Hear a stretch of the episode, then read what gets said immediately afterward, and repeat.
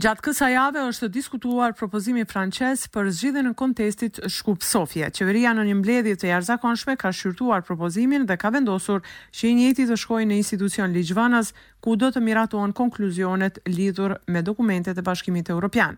Propozimi francez ka zgjuar mllef të jashtëzakonshëm tek VMRO-DPMNE dhe simpatizantët e kësaj partie opozitare dhe pas deklaratave nga ambasada amerikane të cilët kanë propozuar të pranohet propozimi, pas deklaratave të ministrit të Punëve të Jashtme Bujar Osmani i cili shpjegon se gjuha dhe identiteti maqedon nuk rrezikohen, Edhe një herë kryeministri Kovaçevski ka shpjeguar rëndësinë e këtij propozimi që zgjidh apo është hapi i parë në zgjidhjen e kontestit Sofje-Shkup. Për më tepër ndjekim deklaratën. Lehtë është të refuzojmë, të vonojmë, të zgjedhim pasiguri të re, por në këtë moment historik kemi nevojë për mendim racional me kokë të ftohtë, duke u kujdesur për ardhmërinë e fëmijëve tanë. Në të kundërtën, Hristijan Mickoski nga VMRO-DPMNE ka kërkuar me ngulm heqjen dorë nga Ky propozim. Për më tepër ndjekim deklaratën. Samo treba da go odbie. Unë i ofrova Kovaçevskit që të dalë dhe të refuzojë këtë që është paraqitur si propozim dhe unë të tërhiqem nga kërkesa për zgjedhjet e parakohshme parlamentare. T'i vendos të gjitha kapacitetet e VMRO-DPMNE-së, institucionalisht dhe të ndihmojmë qeverinë në tejkalimin e sfidave që do të dalin para nesh në këtë dimër. Analistët vlerësojnë se forcat pro-ruse janë vënë në shërbim të prishjes së stabilitetit, Nuk mungojnë edhe thirrjet e vazhdueshme dhe nacionaliste kundër shqiptarëve.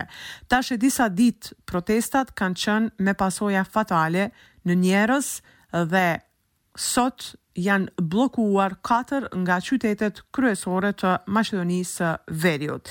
Ministria e Punëve të Brendshme të Maqedonisë ka dhënë këtë sqarim.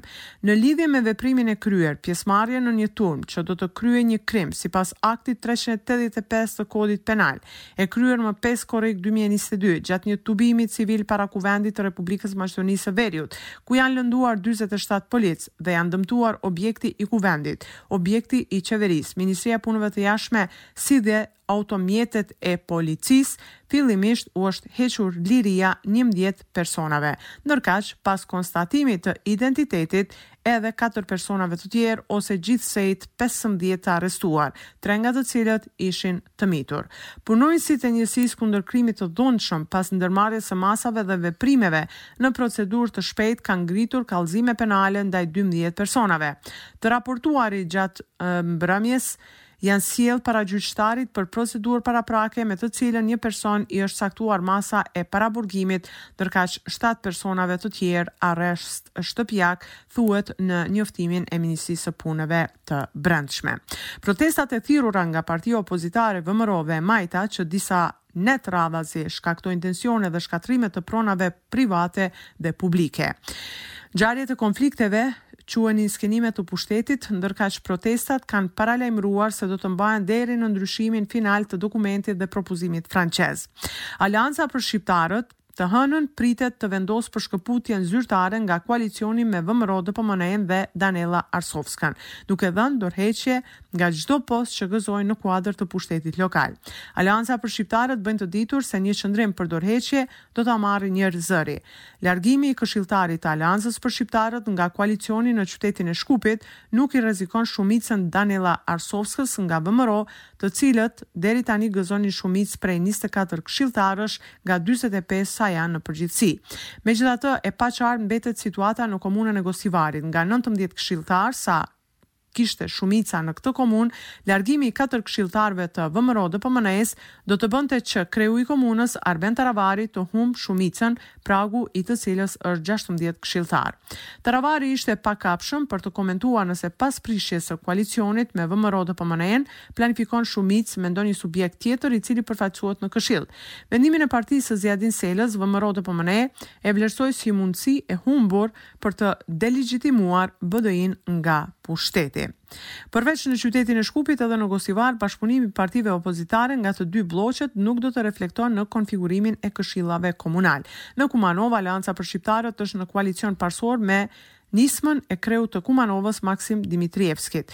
Ndërprerja e çdo bashkëpunimi mes VMRO-DPMNE-së dhe Aleancës për Shqiptarët erdhi pas vendimit të Daniela Arsovskës për të shkarkuar Zudi Enuzin nga pozita e ushtruesit të detyrës drejtor në Higjienën Komunale të Shkupit, vetëm për arsyen se është vëllai i personit, i cili gjatë incidentit të gjashtë korrikut në sheshin Skënderbeu përdori armë zjarri.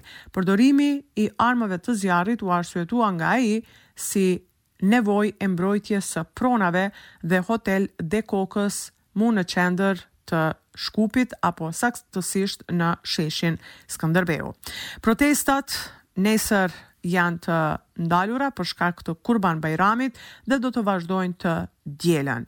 Nesër në tërë territorin e Republikës së Maqedonisë së Veriut, besimtarët muslimanë festojnë Kurban Bajramin. Pavarësisht rritjes marramendëse të çmimeve, Shtëpitë dhe familjet muslimane janë përgatitur të festojnë në mënyrë sa më të begatë këtë Kurban Bajram. Me këtë rast, kryetari i Bashkësisë Fetare Islame u është drejtuar qytetarëve me këtë urim. Vëllezër e motra, në këtë ditë të madhe të festës së Kurban Bajramit, Nga thellësia e zemrës dhe shpirtit, në emër të Bashkësisë Fetare Islame të Republikës së Maqedonisë së Veriut dhe në emrin tim personal të gjithë besimtarëve në vend dhe jashtë vendit kudo që jetojnë dhe veprojnë, u shpreh urimet tona duke iu lutur Allahut Fuqiplotë t'i pranojë lutjet tona, Kurbanët tonë, haxhin nga haxhilerët që janë duke e kryer, si dhe të gjitha ibadetet tona të bëra gjatë këtyre ditëve të bekuara. Le të jetë kjo festë e gëzimit tonë, respektit ndaj njëri-tjetrit, afrimit me tjetrin, shtimi i gëzimit dhe kënaqësisë të skamnorëve, të atyre që kanë vështirësitë e jetës, faljes, paqes, solidaritetit dhe i afrimit të kënaqësia e Allahut fuqiplotë, pra gëzuar festën e madhe të Kurban Bajramit. Edhe kjo javë që vjen pritet të jetë e ngjeshur me aktivitete dhe ngjarje në aspektin politik e diplomatik. Për Radion SBS raporton nga Republika e Maqedonisë së Veriut, Besiana Mehmedi.